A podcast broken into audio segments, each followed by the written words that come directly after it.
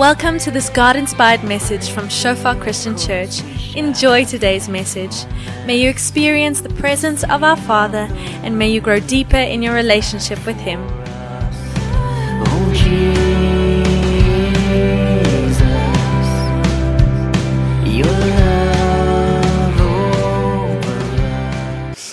Lekker julle. Dis regtig 'n voorreg om vanoggend hier te kan wees. Ons gaan aan met ons reeks oor die pastorale briewe. En ons kyk vanoggend na hoofstuk 1 vers 12 tot 17 en dis Paulus se getuienis, maar voordat ek begin, kom ek bid vir ons en dan spring ons lekker in. Ja Here, dankie vir u goedheid. Dankie vir u guns, Here. Dankie Here sodat ons vanoggend gehoor het, Here, dat sodat Paulus skryf in Romeine 7, Here, ons ons ons sien binne in ons, Here, ek, ek ek verstaan wat ek veronderstel is om te doen, maar ek kry dit nie altyd reg nie. Wanneer ek goed wil doen, Here, dan is daar iets anders wat my wil trek, Here, om dit wat sleg is te doen. Wie gaan ons verlos? Wie gaan redding bring? Ons dank die Vader deur Jesus Christus ons Here. Ons al verlossing. En dankie Here dat daar geen veroordeling is vir die wat in Christus is, Here. No more condemnation. Maar dat ons lewe nie meer onder die wet nie, Here, maar in Christus, Vader. En met dit is ons nie besig met wetteloosheid nie, Here. Maar ons verstaan Here dat dit wat ons nou doen en hoekom ons dit doen is uit 'n dankbaarheid, uit 'n vreugde, 'n vrede, soos wat ons volgemaak is deur die Gees om U te volg. En dankie Here dat dit ver oggend ook 'n realiteit kan wees, Here, vir ons as gemeente. Dankie Vader vir U perfekte wil. Dankie Jesus vir U perfekte voorbeeld. En dankie Heilige Gees dat U hier is teenwoordig besig om te werk. In Jesus naam. Amen. Soos wat ek gesê het, vanoggend kyk ons na vers 12 tot vers 17 en is Paulus se getuienis en hy skryf hierso nog steeds op hierdie konteks en topik van die wet teenoor die evangelie, soos wat ons laasweek ook gekyk het. En Paulus sê dat daar's hierdie groep mense wat in 'n vrugtelose gepraat verval het, hulle het weggedraai van hierdie liefde uit 'n rein hart, skoon gewete, opregte hart. En hulle het vrugtelose gesprekke. Ons praat oor baie goed, maar daar's niks wat uitkom nie. Daar's niks liefde, daar's niks lewe nie. En hy sê hierdie mense wil graag leermeesters van die wet wees, maar hulle weet nie wat hulle sê of waaroor hulle so selfversekerd praat nie. En dan het ons laasweek gekyk dat die wet is goed as ons dit wettiglik gebruik. En hierdie mense wil die wet toepas op die verkeerde groep mense en daar ook vir die verkeerde rede. En ons het gesien dat die wet is nie daar om te red nie. Geen mens sal deur wetsonderhouding gered word nie. Geen mens sal deur goeie dade sy geregtigheid verdien nie, maar die wet is daar so om 'n diagnose uit te oefen op die menslike hart. Ja, ook om ons te weerhou van sonde. Dat as die wet heeltemal weggevat was, sal wetteloosheid meer toeneem as wat dit nou doen op die oomblik. So daar's 'n bietjie van 'n weerhou van die menslike hart om sonde uit te oefen as gevolg van die wet, maar is daar om 'n diagnose uit te oefen. Dis daar om vir die mens te oortuig dat ons het 'n probleem. En as ons niks aan hierdie probleem gedoen word nie, gaan oordeel eendag kom. Ons het 'n probleem en ons gaan verantwoordelik gehou word vir hierdie probleem. En soos ons gesê, die wet is nie net daarso om die vrug te adresseer nie, maar die wortel. Dit is nie net om vir jou te sê, "Hey, jy doen iets wat verkeerd is nie," maar dit vra die vraag, "Hoekom?" Hoekom lewe ons nie reg nie? Hoekom het ons nie 'n begeerte om God tevrede te stel nie? Hoekom het ons konstante begeerte om vir ons self te leef? Jesus kom en dan verduidelik dit hy so mooi en hy sê julle het gehoor dat die een wat moord pleeg is 'n moordenaar, maar ek sê vir jou die een wat sy broer haat is 'n moordenaar. En hy sê kyk kyk wat die wet doen, verstaan wat hier aangaan. Daar's 'n diagnose. Jy's daar's 'n vrug, maar daar's iewers waar daai vandaan kom. Ek sê vir jou iemand wat net met welis na 'n vrou kyk, het klaar oorspel gepleeg. Kom ons kyk na die wortel. Kom ons kyk waar hierdie vandaan kom. Dis die doel van die wet om diagnose uit te oefen. Dis nie daarom vir ons te sê hy jy hoes hou op hoes nie. Dis gaan dokter toe. Jy het 'n probleem. Van iewers anders af met redding kom. Dis die evangelie. Terwyl die wet diagnoseer, kom die evangelie en bring redding. Nie net vrug nie, maar ook wortel. Dit verander nie net wat ons doen nie, maar ook wat ons wil doen. Dis nie net ek weet ek moet nou hierdie doen, nou gaan ek dit maar doen al wil ek nie. Nee, daar's so 'n vreugde en 'n vrede binne in my en ek wil hierdie God wat my gered het dien en tevrede stel. Uit liefde volgekom. So ons lewe nie wetteloos nie, maar ons lewe nie onder die wet om ons geregtigheid te verdien nie. Want in Christus is ons geregtig verklaar voor God en daarom lewe ons om hom konstant tevrede te stel. En Paulus gaan nou vir ons 'n voorbeeld daarvan gee in sy eie lewe. Hierdie is waar, hierdie is die realiteit. Ek het dit beleef, ek het dit gesien, ek het dit aanskou. So kom ons kyk soos wat Paulus dit verduidelik in sy eie lewe en kyk wat ons uit kan leer. Vers 12 tot vers 17. Teenoor Christus Jesus ons Here is ek dankbaar. Hy het my krag gegee en my betroubaar geag om my in sy diens te stel. Al het ek hom voorheen belaster, vervolg, beledig, maar God was genadig teenoor my omdat ek in my ongeloof nie geweet het wat ek doen nie. Ons Here het my oorlaai met sy genade en met geloof en liefde wat ons deel is in Christus Jesus. Dit is 'n betroubare woord en kan sonder voorbehoud aanvaar word. Christus Jesus het in die wêreld ingekom om sondaars te verlos. Van hulle is ek die grootste. Maar juis daarom was God my genadig sodat Christus Jesus aan my as die grootste sondaar al sy verdraagsaamheid sou betoon en ek 'n voorbeeld kon wees vir almal wat in die toekoms in hom sou glo om die ewige lewe te verkry. Aan hom wat vir ewig koning is, die onverganklike, onsigbare enigste God, kom toe die eer en die heerlikheid tot in alle ewigheid. Amen. Wonderlike stuk skrif. Kom ons lees weer lekker saam daardeur stadig en kyk wat ons kan leer. Kyk vir daai woordjies maar sodat daarom sê vir ons wat gebeur en hoekom dit gebeur. Kom ons lees weer deur.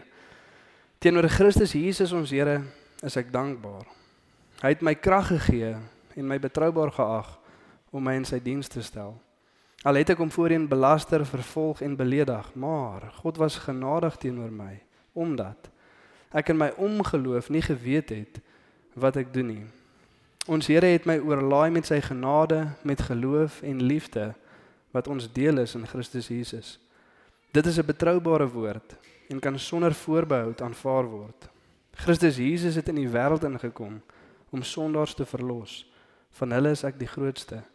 Maar juis daarom was God my genadig sodat Christus Jesus aan my as die grootste sondaar al sy verdraagsaamheid sou betoon en ek 'n voorbeeld kon wees vir almal wat in die toekoms in hom sou glo om die ewige lewe te verkry. Aan hom wat vir ewig koning is, die onverganklike onsigbare enigste God kom toe die eer die heerlikheid tot in aller ewigheid. Amen. 'n mooi stuk skrif en vers 17 is half die onvermydelike uitvloei van hierdie teks. Ons gaan op die einde bietjie na hom kyk maar vandag wil ek van die doelstelling wat ons hier in vers 16 kry terug opwerk na vers 12 toe. So kom ons begin by vers 16 dan werk ons lekker op terug na vers 12 toe. Dit sê maar juis daarom was God my genadig sodat hier is die rede. Christus Jesus aan my as die grootste sondaar al sy verdraagsaamheid sou betoon en ek 'n voorbeeld kon wees vir almal wat in die toekoms in hom sou glo om die ewige lewe te verkry. Twee keer in hierdie stuk skrif dan sê Paulus hoekom God genade teenoor hom bewys het. Een keer in vers 13 en een keer in vers 16. En dit is belangrik vir ons om dit reg te verstaan. Ons sal nou-nou na vers 13 kyk. Maar hierso sê Paulus dat God het my gered, daar was 'n doel met dit en dit was sodat ek 'n voorbeeld kon wees vir die wat later ook in hom sou glo vir die ewige lewe. Nou met dit beteken Paulus nie hy ek was hierdie een nou wat God was nie regtig lief vir my of ek was nie regtig uitverkies en daarom het hy my gered nie. Ek was maar net 'n voorbeeld van hy sê nee. Uit liefde, uit genade het God my kom red. Maar ons is 'n rede vir hierdie redding ook wat ver verby myself ook strek wat ook daarso is vir die mense om my. En dieselfde is waar vir ons ook. Ons eie redding is daar deur genade vir liefde Jesus, maar ons ook iets wat God vir die mense om ons wil wys vir ons redding. En Paulus sê soos wat ons na die getuienis kyk, soos wat ons luister na wat hy sê, is daar iets wat ons moet leer, daar's iets wat ons moet sien. Wat God graag wil hê ons moet verstaan in ons eie lewe ook. In die eerste een sien ons hierso in vers 15. Dit is 'n betroubare woord en kan sonder voorbehoud aanvaar word. Christus Jesus het in die wêreld gekom om sondaars te verlos. En as Paulus so begin, hy sê hierdie is 'n betroubare woord. Dit beteken hy nie ag julle ek het nou 'n bietjie gebabbel in die vorige paar verse wat ek geskryf het, maar hierdie nou is ek regtig ernstig. Hierdie is regtig waar nie. Nee, hy sê in kontras met die sinnelose gebabbel van hierdie valse leraars wat niks doen nie. Hierdie is waar, hierdie is betroubaar, hierdie is wat red. En 5 keer deur hierdie 3 briewe maak Paulus hierdie stelling. Is nêrens anders in die Nuwe Testament nie, maar in hierdie 3 briewe wat hy vir hierdie mense skryf wat na God se mense moet kyk. Sê hierdie is 'n betroubare stelling. Met ander woorde, hierdie is kern. Hierdie is belangrik. Hierdie is fundamenteel. Dis belangrik dat ons hierdie verstaan en uitleef. Hierdie is hoofsaak. Alles anders wat ek skryf is waar, maar hierdie is regtig belangrik. Hierdie is kern. Hierso moet ons hierdie sien en hierdie moet ons verstaan. En die eerste een is dat in Paulus se lewe moet ons sien dat Jesus is die een wat red, nie die wet nie. Ek meen ons seker nie 'n beter voorbeeld as Paulus om hierdie te illustreer nie. Hy wat ook eens die wet nie wettiglik gebruik het nie. Hy wat ook voor in sy lewe gedink het die wet is daar sodat jy jou geregtigheid kan verdien. As jy net genoeg en hard genoeg probeer om die wet te onderhou, dan sal jy eendag gered word. Dan sal jy geregverdig voor God staan. Tot op so 'n mate dat hy die kerk vervolg het.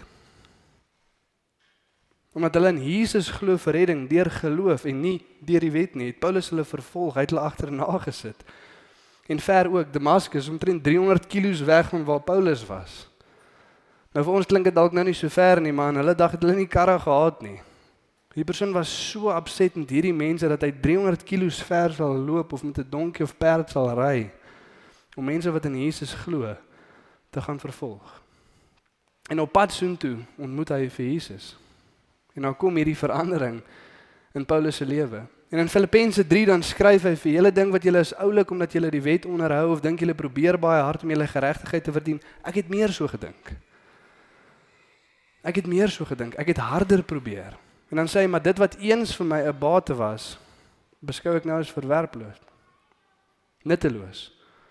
Sodat ek Christus as enige bate kan kry En nie geregtigheid in myself wat afhang van die wet nie, maar die geregtigheid wat afhanklik is in geloof in Christus Jesus, sodat ek in hom gevind mag wees, sodat ek hom kan ken.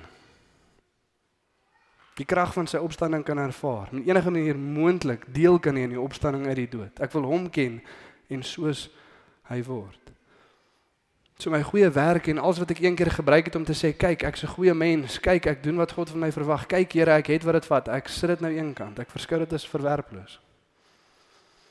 Sodat ek Christus, sy geregtigheid kan kry. En dit vat ons na die eerste punt toe volgend. Jesus het gekom om sondaars te verlos. Jesus het gekom om sondaars te verlos en dis 'n stelling wat ons almal ken, ons almal weet, ons almal hoor. Maar daar's 'n implikasie hierso. Wie is die persoon wat hierdie redding kan ontvang? Sondaar. Die persoon wat redding nodig het. Wie is die wie is die persoon wat kan vergewe word? Die persoon wat vergifnis nodig het. Wie is die persoon wat genade kan ontvang? Die persoon wat genade nodig het. Jesus Christus het gekom om sondaars te verlos. C.H. Spurgeon sê dat nêrens in die hele skrif is daar 'n woord van bemoediging vir die wat hard probeer om hulle geregtigheid volgens die wet te verdien nie. Dis nie wat Jesus gekom doen het nie. Jesus het nie gekom om te sê kom boys, probeer net nog 'n bietjie harder, julle is amper daar, nog 'n paar treetjies en julle het dit. Nee. Hy het gekom om sondaars te verlos. En hierdie verlossing kan net ons in wees as ons ook soos Paulus erken dat ons is sondaars. Ons het dit nodig. En vanoggend daarso waar ons sit wil ek vir ons hierdie vraag vra, kan ons dit erken vanoggend? Glo ons dit vanoggend? Jy sien Paulus maak 'n interessante stelling hier, so hy sê ek is die grootste van alle sondaars. En vir my as die grootste het God hierdie ding kom bewys. Nou moet ons dit letterlik opvat dat Paulus letterlik die sondes van die hele wêreld gaan bymekaar kry het en half syne opgeweeg het teen die ander mense sin en tot op die einde toe kry die konklusie hy is die grootste nee. Wat hy sê is my lysie wat ek voorheen gebruik het om myself op te meet teen ander mense, my lysie van kyk hierdie goedjies kry ek reg, daai goedjies kry ek verkeerd, ag maar ek's ten minste beter as daai persoon, ten minste beter as daai persoon. Daai lysie is weg. Ek lewe nie meer volgens die wet nie. Al wat ek nou weet is ek het regtig verlossing nodig. En vir elke persoon wat nie meer onder die wet loop nie, maar die evangelie ontvang vir redding, dink dieselfde. Ek meet myself nie meer op teen ander mense nie. Ek het nie my my lysie goeie goed wat ek na God toe vat om vir hom te wys. Kyk Here, ek het my deel gedoen nie. Al wat ek nou weet is ek is 'n sondaar en ek het redding nodig. Ek het redding nodig. En vanoggend is die vraag daarso, het ons genade nodig vanoggend?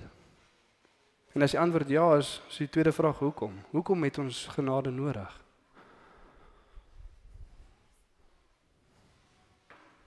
Hoekom het ons genade nodig? Ons verdien dit nie. Dis 'n gawe van God af.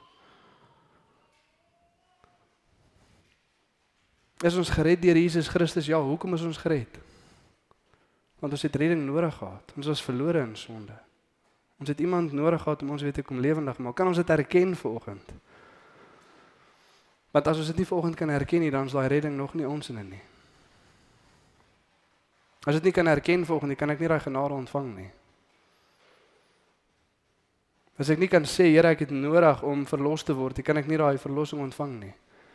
Jesus vertel 'n gelykenis in Lukas 18 van vers 9 tot 14, storie wat ons almal ken. Maar gelykenis van twee mans wat gaan bid. En hier die skrif sê vir ons op die oog vir die wat op hulle self vertrou vir geregtigheid het Jesus hierdie gelykenis vertel. En hy sê twee mans het gaan bid, een 'n fariseer en die ander 'n tollenaar. En die tollenaar het be, die fariseer het begin bid en gesê dankie God dat ek nie soos ander mense is nie. Mense wat die wet breek, mense wat egbreek preek, mense wat steel. En soos hierdie tollenaar. Ek vas twee keer 'n week en ek gee 'n tiende van alles wat ek kry. En Jesus sê die tollenaar sit eenkant op sy knie en hy kan nie sy oë oplig na die hemel toe nie en hy slat op sy bors en hy sê Here, wees my 'n sondaar genadig. En Jesus sê die tweede persoon het huis toe gegaan en sy saak met God was reggestel. Om ons lysie weg te gooi. Ons kan nie bid Here, dankie dat ek nie soos ander mense is nie. Ons sê ons Here, ek het nie redding nodig nie. Ons moet erken ons het redding nodig as ons redding wil ontvang. En daarvoor moet ons nie net kyk na die vrug wat die wet in ons lewe uitlig nie, maar die wortel daarvan. Die kern is om vir onsself te leef. En party mense soos wat hulle lewe vir hulle self, lyk dit 'n bietjie meer aanskoulik in die oë van die wêreld en ons minder sienlike verkeerde goedjies wat ons doen, maar is nog steeds vir onsself.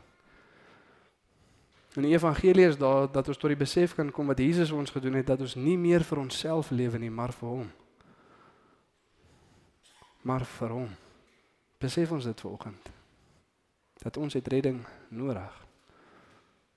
Is daar 'n dankbaarheid in jou hart teenoor Jesus? Soos wat Paulus hierdie stuk skrif begin, teenoor Jesus is ek dankbaar. Ek verstaan hoeveel ek hom nodig het. Ek verstaan hoe desperaat ek redding nodig het.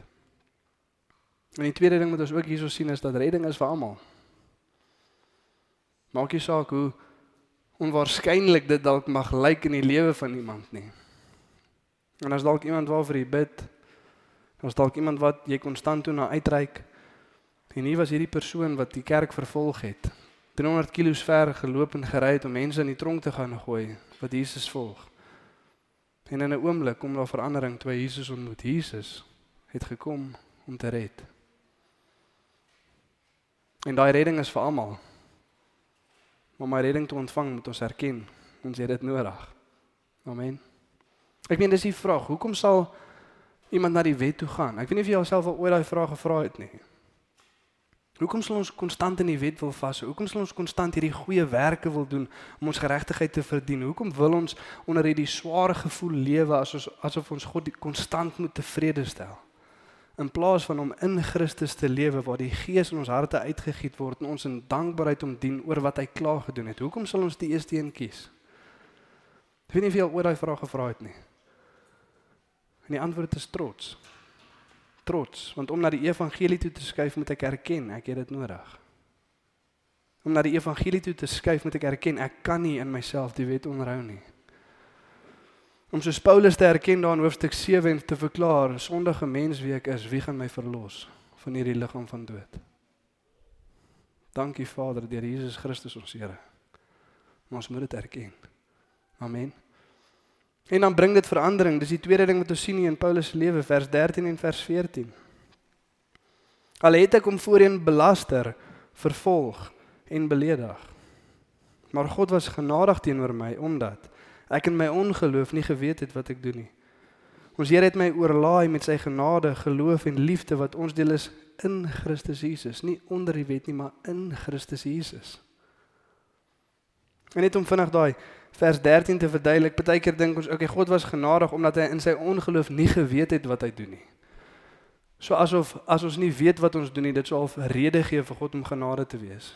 Maar dan beteken dit daar's so 'n basis waarop genade verdien kan word en genade is dit wat ons nie verdien nie.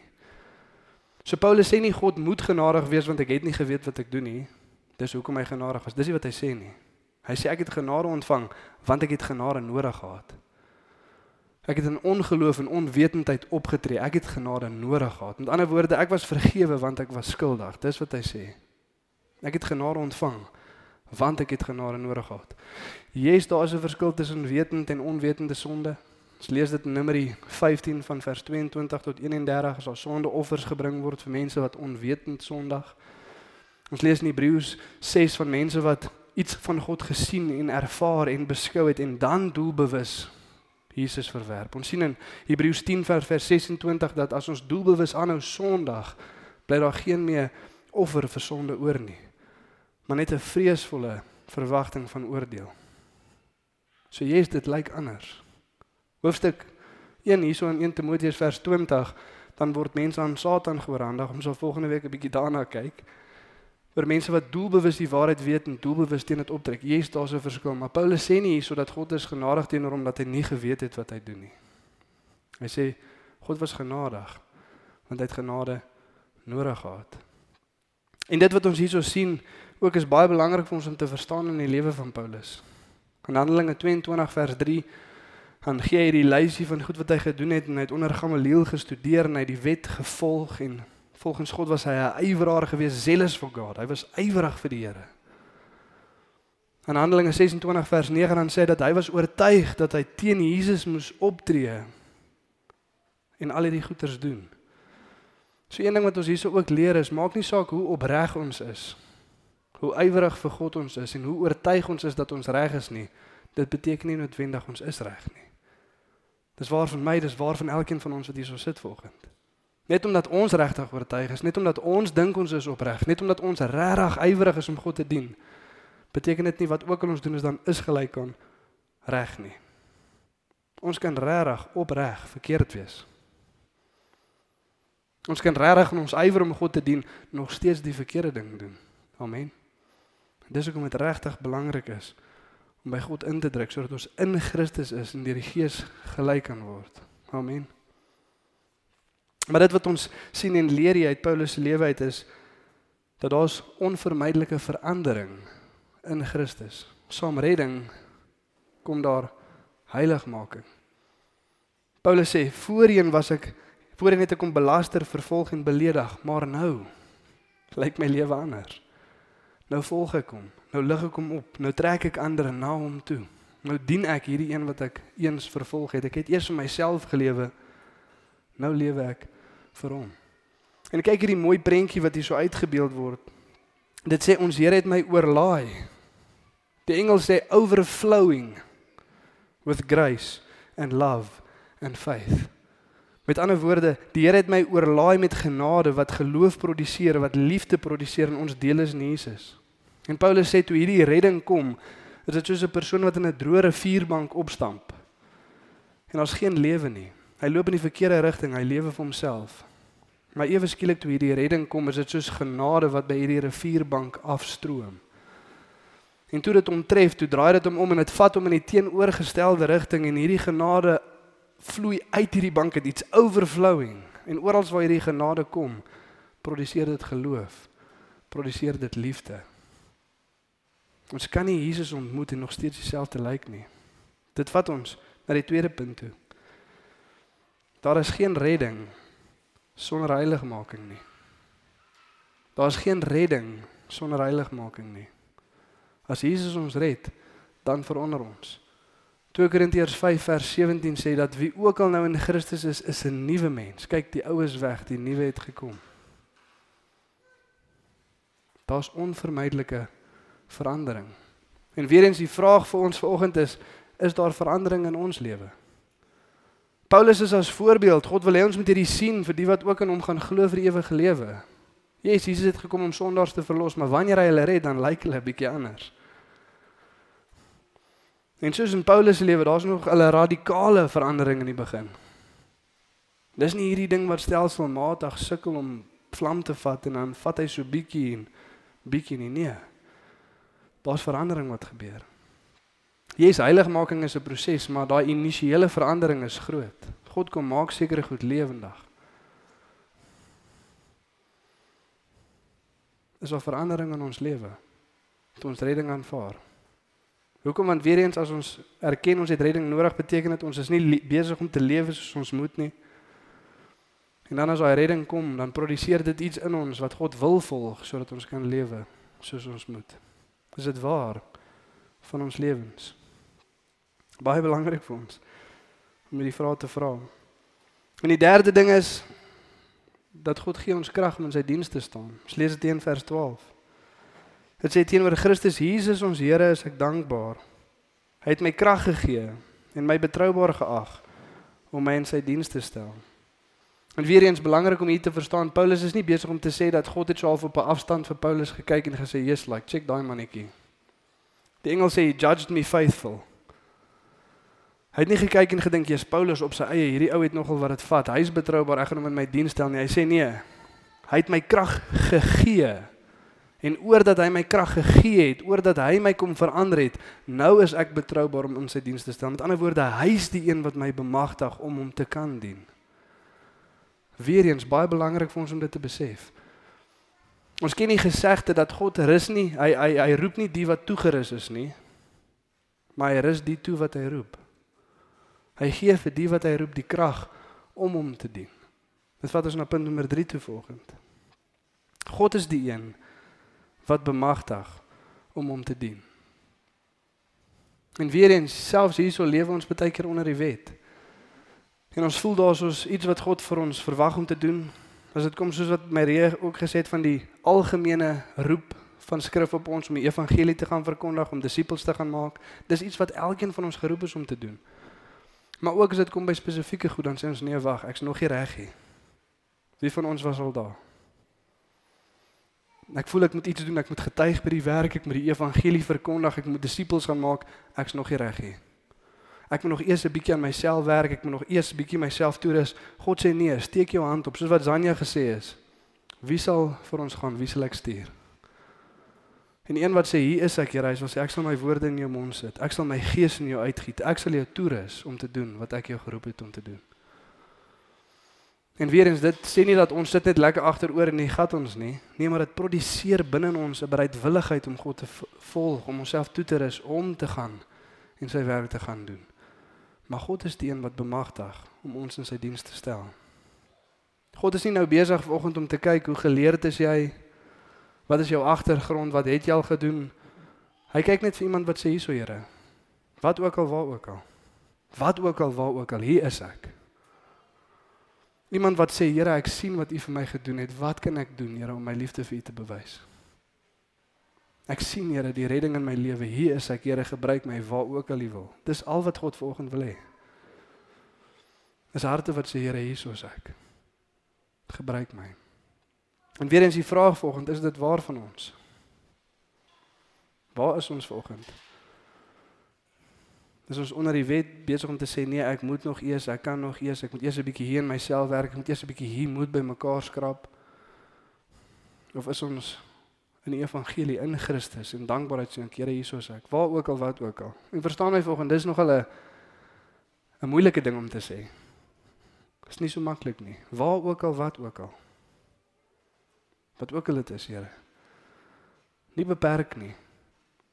Dink jy nou net aan Sekunda nie, ek dink nie nou net aan my familie nie, ek dink nie nou net aan my werksplek nie, Here, waar ook al wat ook al, skoon bladsy. Daar's nie lyne getrek nie. Waar ook al wat ook al, hier is ek, Here. En besef toe, Ananias na Paulus toe gaan om te vir hom te gaan bid, toe hy nie kon sien nie toe die lig van Christus op hom val. Toe sê hy gaan wys vir hom alles wat hy moet lei vir my naam. Gaan wys vir hom alles wat hy moet lei vir my naam. Gaan wys vir mense gaan hom met swepe slaan. Mense gaan hom met klippe gooi. Hy gaan skipbreek lei, daar gaan daar wees wat hy nie kos of water het nie. En nie oor 'n pomp wat nie werk nie. Hy gaan ly vir my naam. En hy sê Here, U het my krag gegee om in die diens te staan. Ek sal volg. Is dit ons hart vanoggend? Is dit oukei okay as God vir jou vanoggend kom wys wat jy gaan ly vir sy naam? Dit gaan moeilik wees. Dis nie hierdie maanskyn en rose nie. Gaan ons sê Jesus, Jesus ek Here. Stuur my. Hoekom? Want ek weet wie U is. Ek weet wat U vir my kom doen het. Ek lewe nie meer vir myself nie. Ek lewe vir U. Jesus ek Here, stuur my. En net soos wat hierdie iets is wat ons moet sien in Paulus se lewe, is dieselfde ook waarvan ons lewe vir die mense om ons. Kyk wat skryf Paulus aan Efesiërs, Efesiërs 2 van vers 5 tot 8. Dit sê uit genade is jy gered en saam opgewek en saam laat sit in die hemele in Christus Jesus sodat hier is die rede sodat hy in die eeue wat kom kan betoon die uitnemende rykdom van sy genade en goedertierenheid oor ons in Christus Jesus want uit genade is jy gered deur die geloof en dit nie uit jouself nie dit is 'n gawe van God Verder sê dit nie uit werke nie sodat niemand kan roem nie, want ons is sy maaksel, geskape in Christus Jesus vir goeie werke wat hy klaar beplan het sodat ons daarin kan loop. Selfs as Paulus. Sodat hy vir die mense kan wys hoe goed hy is. En dit vat ons na die vierde punt vanoggend. Ons persoonlike redding behoort te getuig van dieselfde. Ons persoonlike redding behoort te getuig van dieselfde. Sien Jan Loute mooi beeld gesien maandag aand toe ons saam gebid het by voorbidding. Nee, sien hier die beeld van 'n 'n boek met gesigte op wat in die vuur gegooi word. Autobiografie. 'n Boek wat gaan oor daai spesifieke individu. Weerens ons wat lewe vir onsself.